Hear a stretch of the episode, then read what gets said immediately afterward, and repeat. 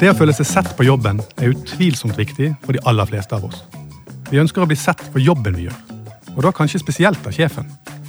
Hva betyr det egentlig å bli sett på jobben, og hvem sitt ansvar er det? Velkommen til På jobben, podkasten som tar for seg det meste av det som skjer på en arbeidsplass.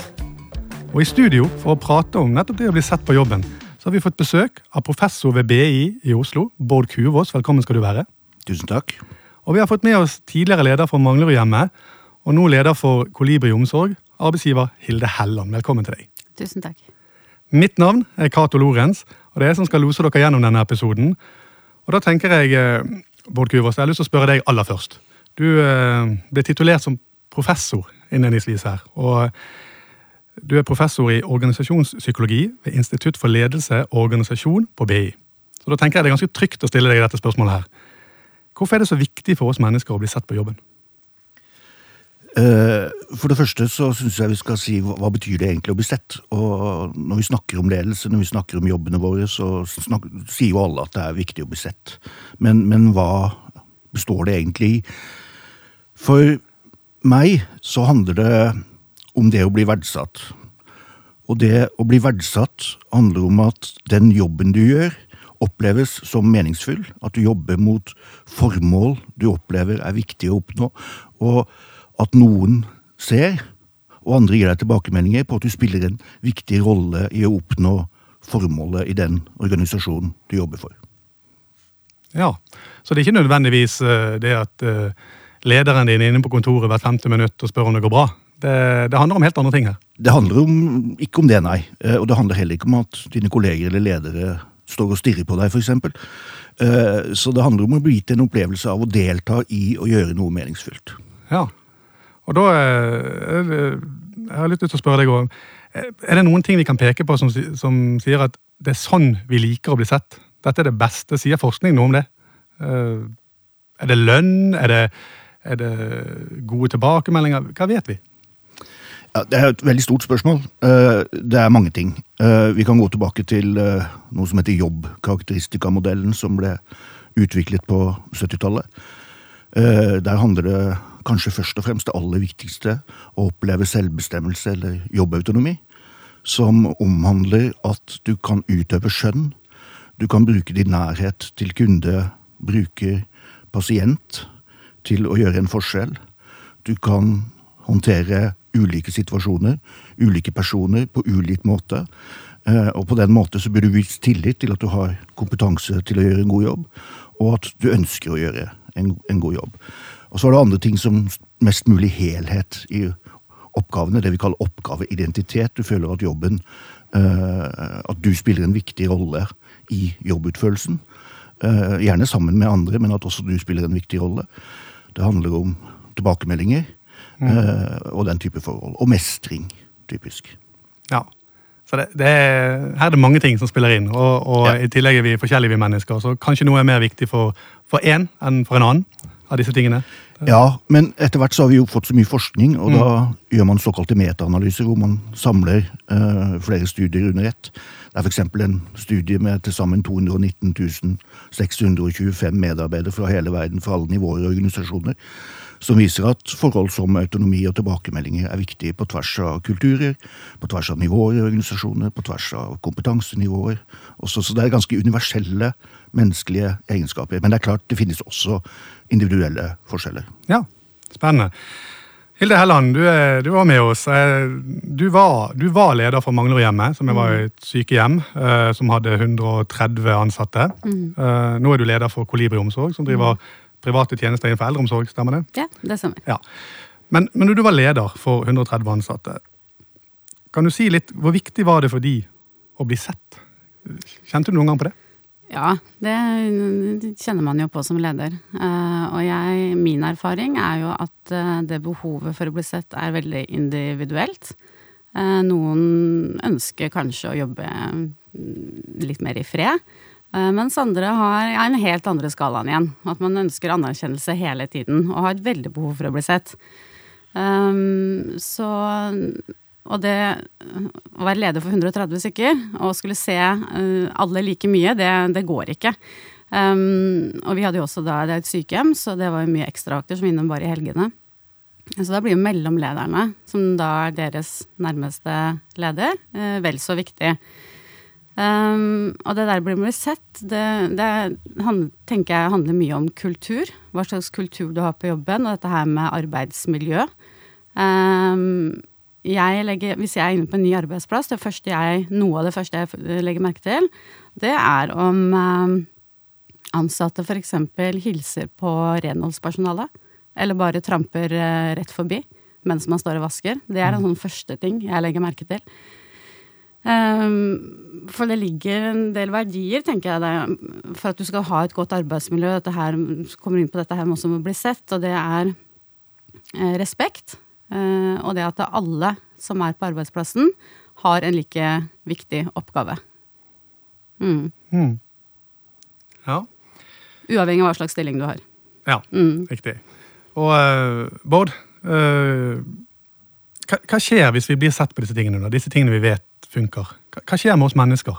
Er det sånn at vi, vi rett og slett blir så mye mer produktive, og det går så mye mer med bedriften? Er det en vidunderkur? Eh, ja, eh, når man får det til. Eh, vi opplever det vi kaller indre motivasjon. At man ikke blir tappet av motivasjon, men man får engasjement og drive. Man glemmer litt tid og sted. Eh, man jobber i, i fellesskap med andre. Eh, og man får bedre fysisk og mental helse. Man lever lenger. Man, eh, det, det er en vidunderkur. Eller jeg pleier å si det som så at indre motivasjon er som arbeidslivets kinderegg.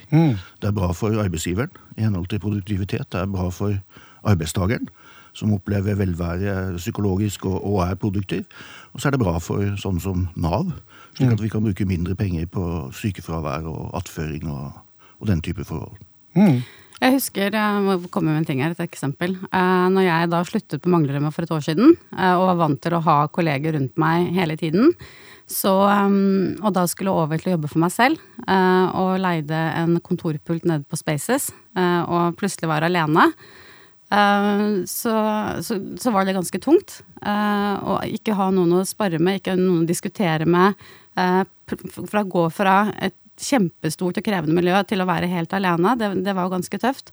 Og jeg husker eh, i løpet av de første ukene så, så pakka jeg sekken eh, og dro hjem, fordi jeg mista litt motivasjon da jeg satt der. Men da husker jeg hun som satt i resepsjonen der, idet jeg gikk ut. Så sa jeg ha det, som jeg pleide å si, og så sier hun ha det bra, takk for i dag, vi ses i morgen. Og den derre 'vi sees i morgen', den betydde så mye. Den betydde faktisk så mye at jeg dro ned dit dagen etter. Jeg kunne likevel, altså jeg kunne ha jobbet hjemmefra. Men uh, skal ikke kimse av den der 'vi ses i morgen', altså at noen har en forventning til at du kommer, og selvfølgelig da sier det med et smil, da. Ikke sant? Ikke med strenge streng pekefinger. Men uh, det er også noe om det Det er ikke alltid det er så mye som skal til, tenker jeg. Nei? Mm. Ja, det, det, eh, jeg, jeg tenker også det, Bård, at um, du, nevner det litt her. Jeg tenkte å høre med begge dere to egentlig om det. For det er indre motivasjon. Eh, du nevner det litt her. Hva, er det for noe? Hva, uten å være teknisk og, og bruke en sånn faglig definisjon, så handler det om at selve jobben gir deg indre belønninger som tilfredshet, glede, motivasjon, mening ved å utføre jobben.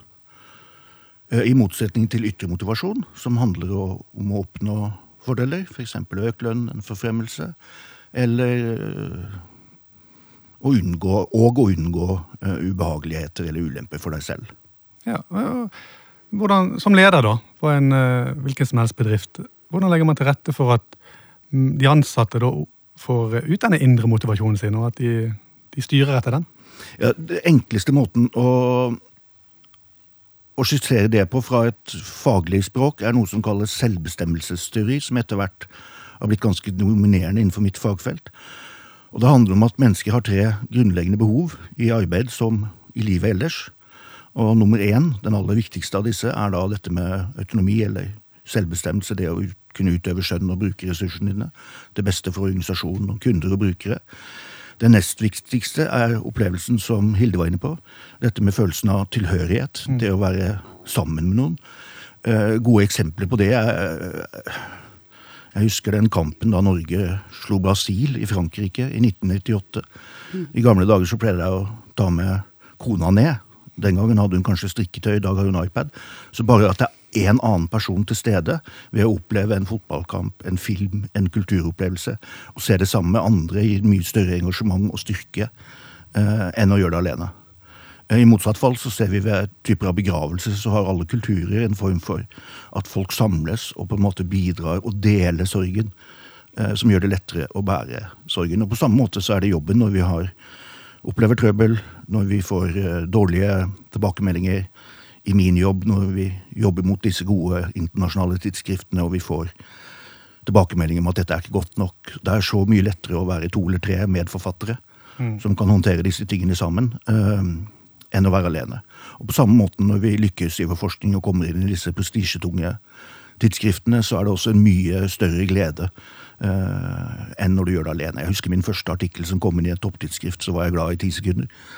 Jeg torde å dele den gleden med to av mine veiledere. Når jeg nå gjør dette sammen med yngre kolleger og doktorgradsstipendiater, så er det noen helt annen følelse av at man bidrar, og gleden og engasjementet mm. og følelsen av å lykkes blir mye større. Mm. Og den tredje er dette med opplevelse av mestring. At du er, eh, du er dyktig til det du gjør, og det som er levebrødet ditt. Men som er det som Hilde var inne på, at folk er forskjellige her. Mm. Eh, så noen har veldig behov for mestringskompetanse. For andre så holder det med en tommelfinger opp hver 14. dag ved kaffemaskin eller mm. ved et tilfeldig møte i garasjen. Mm. Og, det, og, det, Hilde, tenker jeg, jeg har lyst til å spørre deg om. fordi her, her snakker Bård om uh, indre motivasjon. Og det handler om uh, få lov å være med og bestemme litt mm. i beslutningsfasen. Mm. Føle at du er involvert. Det handler om sosial tilhørighet. Uh, det handler om å få tilbakemeldinger på det man har gjort. Mm. det handler om mange ting. Mm. Men ikke så enkelt er det som leder, hvis du har 130 ansatte. Nei. Vi, vi, vet hva som fungerer, men er det så enkelt i praksis? Nei. Um, tenker på Manglerudhjemmet, da. Så hadde mm. vi jo Kanskje det er enklere i omsorgsyrker, uh, dette her med at jobben skal gi mening. Uh, for det ligger jo Sier seg jo selv. Eh, men vi hadde jo et overordna mål. ikke sant? At vi ønsket jo at beboerne også skulle eh, få det mye bedre enn det de hadde. Vi ønsket eh, flere aktiviteter, at pårørende skulle være trygge. Altså vi hadde mange ulike mål. Men jeg tror liksom nøkkelen der da, var at det som du sa, at vi gjorde ting sammen. Vi hadde, ikke, vi hadde, ikke, mye midler for å endre dette sykehjemmet på. Vi fikk 100 000 som fulgte prosjektet.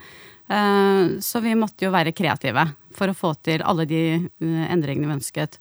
Så er det noen gang sånn at når du først eh, får til én ting, og har opplevd suksess og mestring og alt og glede og alt dette her fører med seg, så, så blir man jo sulten på mer. Man ser det funker, man ser at beboerne likte det, at, de, at pårørende ble trygge av at, at de fikk flere tilbud, altså, osv., og, så videre, og medisinbruken gikk ned. Så det ga så mye gevinster, da, um, som, um, som skapte et enormt engasjement. Mm. Som um, Ja. Mm. Mm. Og, og, det at dere på en måte ja, da mestret det ene, og det ga resultat i at uh, beboerne fikk det bedre. Det, mm. det var som bensinet i forhold til de ansatte òg, at de vil, de vil, gjøre dette mer? Er det ja, og så må du jo ha Du må jo ha noen som går i bresjen. Uh, og Eh, jeg tror nå det at jeg som var øverste leder der, at jeg også sto og malte vegger og hadde på arbeidsklær, at det bidro. At ikke jeg mm. bare sendte den nedover. Uh, og det der, jeg er veldig opptatt av flat struktur. Og at uh, ingen forslag eller ideer var for dumme. Tvert om. Det var veldig mange bra forslag som kom. Deriblant dette med pub. det var ikke min idé. Så um, så det der å kunne jobbe sammen i team Men det betyr jo ikke at ikke det var eh, at, ingen, at, at, det var noen som var imot dette her. Det var jo ikke sånn at alle eh, sto og jublet første gang jeg sa at vi skulle begynne med det ene eller det andre. Eh, du finner alltid motstand i forhold til endringer eh, og, og, det som er nytt og, og kanskje utrygt. Men eh, nei, jeg har troen på det der med å Sånn som jeg ofte sa, at bare hva er det verste som kan skje, da? Det verste som kan skje, er at vi får et finere rom. Altså, vi kan alltid gå tilbake igjen. Samme med middag. Vi skal ha hjemmelaget middag en gang i uken. Og jeg skjønner at det var en del motstand for det, for det blir jo merarbeid. Uh, men det er sånn herre Vi prøver. Funker det ikke, så funker det ikke. Da går vi bare tilbake igjen. Altså Ja. ja. Det tror jeg er veldig viktig. Eh, at ledere som ber om initiativ og bedre måter å gjøre ting på, komme med forslag, at man eh, i hvert fall mange forslag, at man selv om lederen selv på en måte Nja, kanskje er ikke det så lurt, og så prøver du ut i småskala. Mm. Det er kanskje vanskelig med en bar, men, men andre ting. altså At man tør å prøve det ut. for hvis, hvis man ønsker flere initiativ, så kan man jo ikke da sitte og dømme disse. Så det å tørre å prøve å feile litt. Mm. Og som Hilde sier, hva er det verste som kan skje? Mm. Å ha den tilnærmingen. Mm. Ja. Spennende. Det, det, det, slår meg litt når vi snakker her nå, at uh, det er jammen meg ikke lett å være leder. Um, fordi uh, når du snakker, Bård, så snakker du om at uh, veldig mye at du må kjenne dine ansatte. For å kunne på en måte få frem den indre motivasjonen hos ansatte, så må du kjenne dem veldig godt. Ja, Du må kjenne deres behov da, for, for autonomi, ja. for, for, tilhørighet, for, for mestring. Ja. ja. og Hvordan får man det til som leder? Du må ha noen spesielle egenskaper. da, for det, Man er jo ikke psykolog. man er jo på en måte, Hvor dypt skal man gå i medarbeiderne og, og forstå deres indre driv? Ja, Her er det jo store individuelle forskjeller. Øh, og jeg mangler øh, den naturlige øh, evnen til å få folk til å føle seg sett. Ikke fordi jeg ikke bryr meg. Jeg er glad i mennesker, men jeg er ikke spesielt ekstrovert. Så jeg må minne meg selv på å bli bedre kjent med de menneskene rundt meg. Veldig mange har dette naturlig i seg de kan være seg sjøl. Jeg husker en rådmann, som, kvinnelig rådmann som uh, minte litt om denne figuren til Otto Jespersen. Tårnfrid hun het. Som sa du Kuvås, uh, kan man, holder det å være seg selv som leder og fortsatt være en god leder? Og da var mitt enkle svar at da er du et bedre menneske enn meg. Ja. Kan jeg få skyte inn en ting? Ja, ja, uh, for jeg tror det at uh, for å være en god leder, så tenker jeg at du, det, at du må i hvert fall være glad i folk. Og du må være nysgjerrig på folk. Um, og den nysgjerrigheten den skal jo ikke ta overhånd. Du skal jo ikke grave i Det er ikke det jeg mener. Men uh, og, det, og samtidig også være oppmerksom. Altså små ting, da. Uh, finne den balansen på å ikke invadere, men samtidig vise interesse. Uh, om du har vært hjemme fra jobb med barn, sykt barn i to dager og kommer tilbake på pub, hvordan går det? Um, eller om uh, Altså, vi er bare mennesker. Jeg blir også glad for komplimenter hvis jeg har klippet meg eller kjøpt meg en ny genser. Så det å være observant uh, og oppmerksom og nysgjerrig og generelt glad i mennesker, tror jeg er liksom basic ting som er greit å ha med seg, altså. Mm. Mm. Enig i det, Bård? Det... Ja, jeg tror det er veldig viktig, men jeg har det bare ikke i meg. altså. Og, og ja, du skal være spesielt fin på håret før jeg merker det. uh, og i tillegg sier det. Uh, ja. ja. Men, men, eh, men, men, en fordel, tenker jeg, absolutt, med, med, tanke absolutt. på å bli kjent med de ansatte og, ja. og være oppriktig nysgjerrig i dem. Ja, for Hvis ikke så kan du ikke lede individuelt, basert på ulike individuelle behov. Nei. Så du må bli godt nok kjent med dem til å vite hvordan du skal prøve å, å bidra til behovsdekning. Ja, og det, det, det Jeg har lyst til å spørre deg òg, Bård. En, en, påstand, da, ikke nødvendigvis min, men, men, ledere, har de begrenset kunnskap om hva som motiverer ansatte, og hvorfor det motiverer? Eh, svaret, på det, svaret, på det, er ja. Eh, og det kan vi se gjennom strukturer og, og systemer, eh, styringssystemer. Vi har dette med detaljert målstyring basert på kvantitative indikatorer som nettopp bidrar til at du typisk ikke føler deg individuelt verdsatt. Du skal bare nå noen tekniske greier som du måles på, som ikke nødvendigvis uh, egentlig handler om formålet i jobben din. Uh, du har også dette med det vi kaller en ytre motivasjonsskjevhet, som vi mennesker le lever med og er født med. Som betyr en ganske uhøytidelig survey i USA blant uh, advokatstudenter. Så ble advokatstudentene spurt om hvorfor de begynte å studere jus.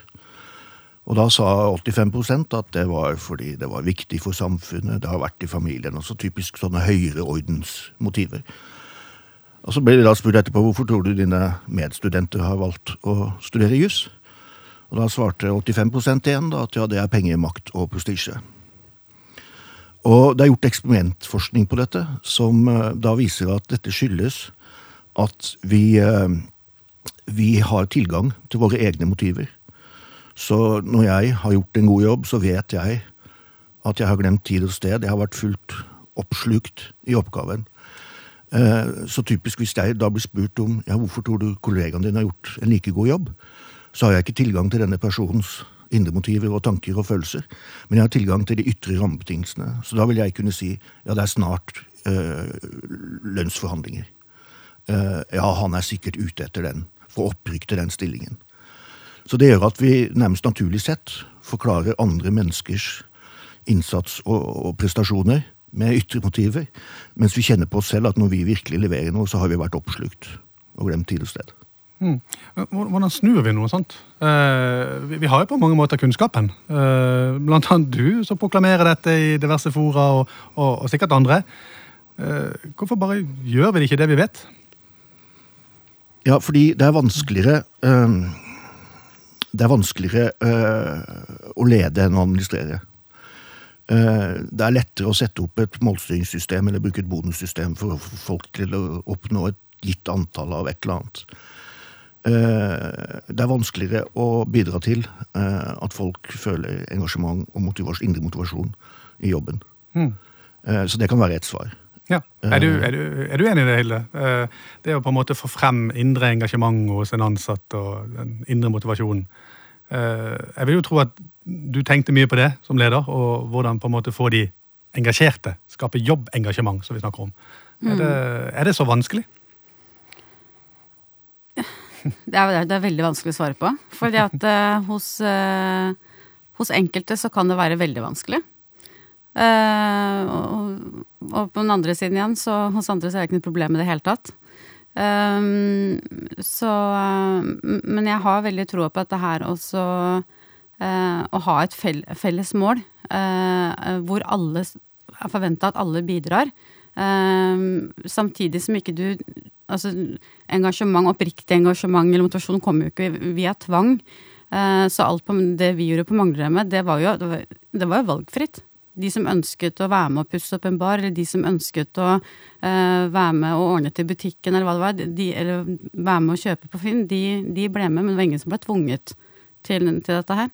Uh, men det førte til at flere og flere ønsket å, å, være med, ikke sant? fordi vi hadde det jo gøy. Uh, og, og, det ble jo resultater um, som, uh, som uh, beboerne var strålende fornøyde med. Så ja, det blir litt sånn både ja og nei. Men mm. ja. Men, men, det er jo også slik at noen er initiativrike og, og setter i gang av seg selv. Mens andre må hjelpes og dras litt med og spørre om å Ja, det er du god til.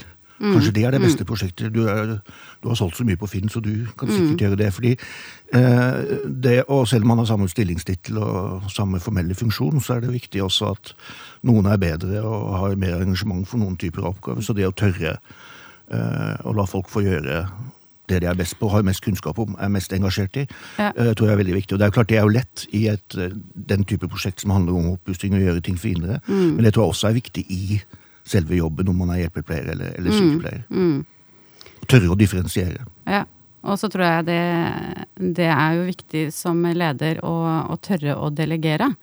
Og ikke være en kontrollfrik uh, og skal detaljstyre alt. Uh, men gi den tilliten, da. og ja, det, det, tror jeg er veldig viktig, altså. For det at, jeg, tenker jeg fører til at ansatte får et eierforhold til det de det de um, driver med, og det er viktig. Mm. Mm. Og, det vet vi både er ekstremt ja. viktig. Det å kunne tilby valget innenfor en klar struktur ja. og, og, og, sørge for at de får rett og slett følelsen av at Kanskje gjennom åpne jobbeskrivelser, at de, at de får denne følelsen av ja. å bli involvert og bestemme. Ja, eh, og, og, jeg tror også at Unnskyld. Organisasjoner også er for redd, eh, er ofte for redde til å, å skjønne at folk eh, i utgangspunktet er fornuftige mennesker. Eh, de aller fleste treffer mye mer mm. kompliserte beslutninger i privatlivet sitt. Skal jeg kjøpe eller leie et hus, f.eks.? Det er jo en vanskelig skal vi gifte oss? Hvor mange barn skal vi ha? Hvilken utdannelse skal vi ta? Og de fleste klarer å ta disse valgene uten å gå personlig konkurs eller å være skilt fem-seks ganger. Eh, samtidig så er det enkelte, f.eks. akademiske organisasjoner, før metoo, vel å merke, presiserer at for professorer så er det ikke lov å ha sex med studentene. og det er den type ting som man får ta med de som potensielt hadde det i tankene. For det er egentlig så meningsløst at Og det å si til alle at du ikke må gjøre noe så absurd, mm. blir så, så, det ligger nok en kontrollfrik i oss alle. Mm. og for å unngå at det hemmer det Hilde snakker om, så må vi rett og slett være oss det bevisst. Mm. Så lederorganisasjoner må spørre trenger vi virkelig regler for dette. Mm. Ja, for er det sånn at i norsk arbeidsliv så tør vi å tro litt for lite på medarbeideren? Er vi, er vi for lite å ta den risikoen på at hvis jeg gir Hans eller Kari eller Petter tillit, så tar de han. Og så tar vi heller og strammer inn. Det spesielle er at vi er antageligvis best i verden. Mm. Eh, sammen med Danmark og, og, Sverige på dette, hvis internasjonale undersøkelser f.eks. innenfor for autonomi. Men jeg mener at vi har masse å gå på, på uh, fortsatt. Og når du snakker om tillit, så er jo det noe som er innen nå, tillitsbasert ledelse. Så det er jo ingen som er mot det. Kan, kan, kan, du ta oss litt med? Hva, hva, snakker vi om når vi snakker om tillitsbasert ledelse? Ja. Uh, min definisjon, basert på litt ulike teorier, så handler det om å ta sjansen på, for det handler om usikkerhet her det handler om å bli sårbar Å ta sjansen på å stole på sine medarbeidernes kompetanse og motivasjon til å gjøre en god jobb. Og når jeg underviser eller foreleser, eh, holder foredrag eh, om dette, så spør jeg ok, kompetanse består av kunnskaper, ferdigheter, evner og holdninger. Hvordan skal vi sikre oss det? Og det er jo svaret rekruttering. Så hvis vi får veldig mange motvillige medarbeidere eh, som har feilaktige holdninger, så må vi se på hvordan vi rekrutterer. Mm. Bruke mer tid og mer verktøy. Og hvis det mangler kompetanse, så må vi fylle på. Så enkelt er jo det. Eh, punkt nummer to, når det handler om motivasjon til å gjøre så godt du kan, så pleier jeg å spørre folk etter å ha hatt en dårlig arbeidsdag eller en dårlig arbeidsuke, hvor man selv opplever å ha gjort en dårligere jobb enn det man vet man kan. Og det kan være ulike årsaker til det. Det kan være dagsform, det kan være ting som skjer på privaten, eller osv. videre. Og så har du arbeidsuker eller dager hvor ting flyr, du glemmer tid og sted, du er inne i oppgavene, du føler at du virkelig har fått ut det beste av deg selv når du har gjort en god jobb. Det er synlig. Eh, og så spør jeg hvor mange som har det best med seg selv den første uken. Mm. Og det er jo aldri noen som sier at de har det best med seg selv, at de selv opplever å ha gjort en dårlig jobb. Mm. Og så spør jeg neste spørsmål hvor mange av dine medarbeidere, hvor mange av dine kolleger tror du egentlig har det best med seg selv, etter at de selv har opplevd og har gjort en dårlig jobb? Og her må vi jo skylde på klassisk økonomi, som sier at mennesker sitter stille helt til det kommer en ytre kraft, som kan være en gulrot eller en pisk, som får deg i bevegelse. Som jo er fullstendig galt. Mm. Ja. Eh, Hilde, når du var leder da, og, og, skulle på en måte ta den risikoen om å tro på dine medarbeidere, at de var i stand til å kunne løse ting sjøl, var, var, det en kneik for deg som leder å på en måte gi fra seg den kontrollen? Nei. Nei. Det, nei, det var det ikke. Det, det har... Eh jeg er veldig godt innforstått med at jeg ikke er verdens beste sykepleier mm, faglig. Eh, så eh, veldig glad for og klar for at eh, det var ikke mitt bord. Og, samtidig med flere typer oppgaver. Mange der som er bedre på meg på, på veldig mye. Og heller Jeg hadde selvfølgelig full tillit til at det gikk gikk bra. Men det er jo tilbake til det der med at du som leder må kjenne dine ansatte, eh, da er det jo lettere eh, å gi tillit. Da vet du jo hvem du kan stole på, og hvem som følger opp, og i det hele tatt. Så jeg lander litt tilbake på den, at mm. det er utrolig godt, det er viktig å kjenne, kjenne sine ansatte. Ja. Mm. Det, det, det, tror jeg er sånn, noe vi må sitte igjen med her. Det er faktisk å å tørre å bli kjent med de ansatte såpass mye at du finner den indre driv og indre motivasjonen deres. En ting som, som, vi vet har enorm effekt, eh, og som du òg har snakket om, Bård, eh, det er da tilbakemeldinger. Det er sånn feedback, som de ofte også kaller det. Eh, barn har mange navn. Det, er det, er det mangelvare på norske arbeidsplasser? Og er vi gode nok til å gi tilbakemeldinger? Og de rette tilbakemeldingene? vanskelig å si ja eller nei til det, men det er selvfølgelig alltids behov for, for forbedringer. Eh, men det er også viktig å tenke da på at tilbakemeldinger kan komme fra kolleger. Mm. Kan komme fra sluttbrukere. Eh, jeg var nylig på en konferanse i Dublin med en god kollega, og når vi satt på flyet hjem, så sa min gode kollega at jeg føler meg mer verdsatt når jeg er på konferanser i utlandet, enn når jeg er på BI. Eh, fordi vi får så mange tilbakemeldinger fra folk som har lest vår forskning og syns det er spennende og interessant og viktig og, og, og, og den type ting. Vi har også gjort en, en, en, studie på dette med tilbakemeldinger, hvor vi målte medarbeidernes opplevelse av uh, tilbakemeldingens konstruktivitet. Som typisk handler om at du er mer opptatt av hva du har gjort, enn å sammenligne deg med andre. Hvis du gjør noe galt i jobben, så følges det opp av uh, et forslag til hvordan det kan gjøres bedre. og og, og, og, den type ting. Og så målte vi timing og frekvens på tilbakemeldinger, hvor ofte hvor tett opp til oppgaven de blir gitt.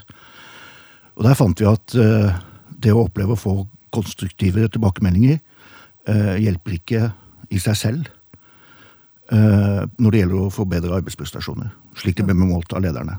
De måtte samtidig ha en høy frekvens og eller en god timing, altså bli gitt tett mm. opp til oppgaven. Ja. Samtidig så finner vi da at ukonstruktive tilbakemeldinger. Eh, som gir deg en følelse av å ikke være tilstrekkelig og ikke være verdifull, er da bedre å få én gang i året enn én en gang i uka. kan jeg tenke meg. Uh, var du opptatt av dette? Nå, eh, er du opptatt av det, Hilde?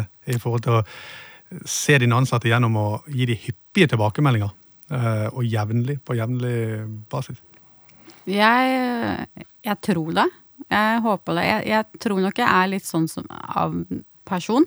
Um, at det kanskje ligger uh, uh, ganske naturlig for meg. Uh, men jeg tror nok sånn nordmenn generelt har ikke jeg noen følelse av på at vi er så innmari gode på verken å være direkte eller gi noe veldig tydelige tilbakemeldinger. Da. Eh, og er det kan også være vanskelig å gi eh, dårlige tilbakemeldinger, for det må jo noen gang gis, det også. Eh, men, men, det mener du korrigerende? Ja, jeg ja. mener ikke altså ja, negativ tilbakemelding. Ja. Um, det kan, det syns jeg er vanskelig. Um, og um, å si det på en måte som man ikke sårer, eller at uh, Eh, man blir redd for at det skal ende ut i en sykemelding, ikke sant. Og at man, at man sier det på en grei måte, da, det, det syns jeg er vanskelig. Og, og, der kommer nettopp betydningen av dette vi kaller tillitsbaserte leder-medarbeiderrelasjoner. At medarbeideren er trygg på at lederen vil ens beste. Mm. Eh, lederen vil stå opp for meg overfor andre ledere høyere opp i systemet hvis noe går galt. Jeg har gjort en ærlig feil, altså jeg forsøker å gjøre noe godt, men det gikk ikke så bra likevel. Uh, hvis lederen er trygg på at medarbeideren har en tillitsbasert relasjon til han eller henne, så er det så utrolig mye enklere å kunne gi korrigerende tilbakemelding om at dette er ikke godt nok. Mm. Du må, her må du Mens hvis du er usikker på hvordan medarbeideren din opplever relasjonen til deg, mm. så begynner du å pakke inn for å ikke såre. Mm. Men er man uh, trygge og gode, så man kjenner hverandre godt, man vet det er grunnleggende gjensidig tillit, mm. så kan man si nei, dette holder ikke. Ja. Du vet du kan bedre, så Jeg syns det er vanskelig allikevel, da. Okay. Men uh, ja, det Ja, jeg ja. syns den er uh... ja. Men hvis vi minner doktorgradsstipendiater for tredje gang har slurvet med referanselister og formater og den type ting som, mm. som en tolvåring kan gjøre, mm. uh, da sier jeg fra, altså. Mm. Ja, ja. Men, eh, men eh, når, vi, når, vi, er på dette med tilbakemeldinger, da, du eh, fanger opp dette med å være Det du sier, er at jevnlig, hyppig eh, Det som er veldig vanlig i mange arbeidsplasser, er jo den gode, gamle medarbeidersamtalen. Eh, kanskje du har den én gang i året, kanskje to. Alt alt ettersom. Det varierer vel. Den er vel litt uh, gammeldags, da, kanskje, Bård? Det, den er jo ikke bare gammeldags, den er, jo, den er, jo, stort sett meningsløs. Jeg har gjort flere studier på dette, og egentlig ganske kjedelig forskning, spør du meg. men noe måtte man jo få publisert tidlig i karrieren. Men da studerte jeg medarbeidernes opplevelse av nytte av medarbeidersamtalen. Uh, typisk den årlige. Altså Hjelper det meg å se mm. sammenheng med hvordan jeg gjør det i forhold til får jeg positive tilbakemeldinger og bla, bla, bla. Og den viste da uh, ingen sammenheng med, med, Det er jo bedre å ha en hyggelig opplevelse enn å ha en uhyggelig opplevelse. Men poenget er at med data fra 2000-3000 personer fra forskjellige organisasjoner, så finner vi da nærmest en normalfordeling av opplevelsen av medarbeidersamtalen. Så noen syns det er helt forferdelig. Noen veldig, veldig få. Noen veldig få syns det er fantastisk. Mens det store store flertall, oppimot 70% av respondentene, couldn't care less. På en skala fra 1 til 5 så svarer de 3. Men selv de som da opplever at dette er fantastisk og dette er kjempenyttig, eh, leverer jo ikke da noe bedre arbeidsprestasjoner. No. Og hadde medarbeidersamtale vært fornuftig, så hadde vi jo hatt en gang i uka, da. Så det, er veldig deilig å sitte ved siden av en professor som sier det som jeg har tenkt i alle år. Jo, Og liksom fått, fått bekreftelse på at det er greit og ikke synes at det er så Ja. halleluja. Ja, Ja. så det Basert på den forskningen, basert på feedback-forskning, basert på veldig mye annet, så kan man si at hvis man da insisterer på eller lovfester en rett til å ha medarbeidersamtaler, så er da mitt råd at da, hva skal man da snakke om? Og da er svaret mitt at da skal man snakke om ting som ikke er naturlig å ta i det daglige. Og det første som da forsvinner, er jo arbeidsprestasjoner og hvordan du gjør det på jobben.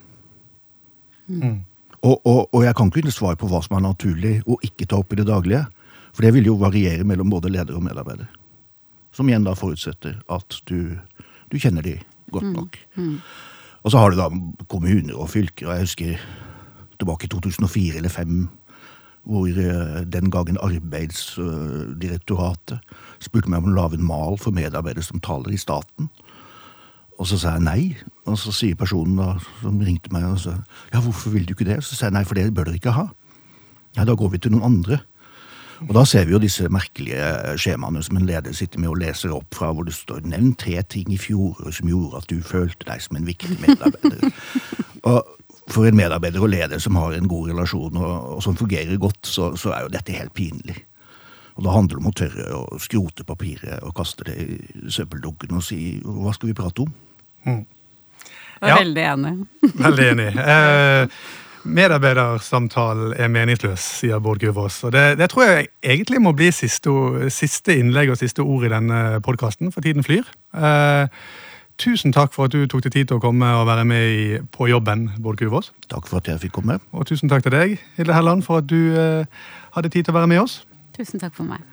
Mitt navn er Cato Lorentz, og bak spakene og sørger for at vi har fått god lyd, sitter Eirik Stordrange og Eivind Kåsin. Podkasten På jobben er tilbake igjen om to uker. Vi høres.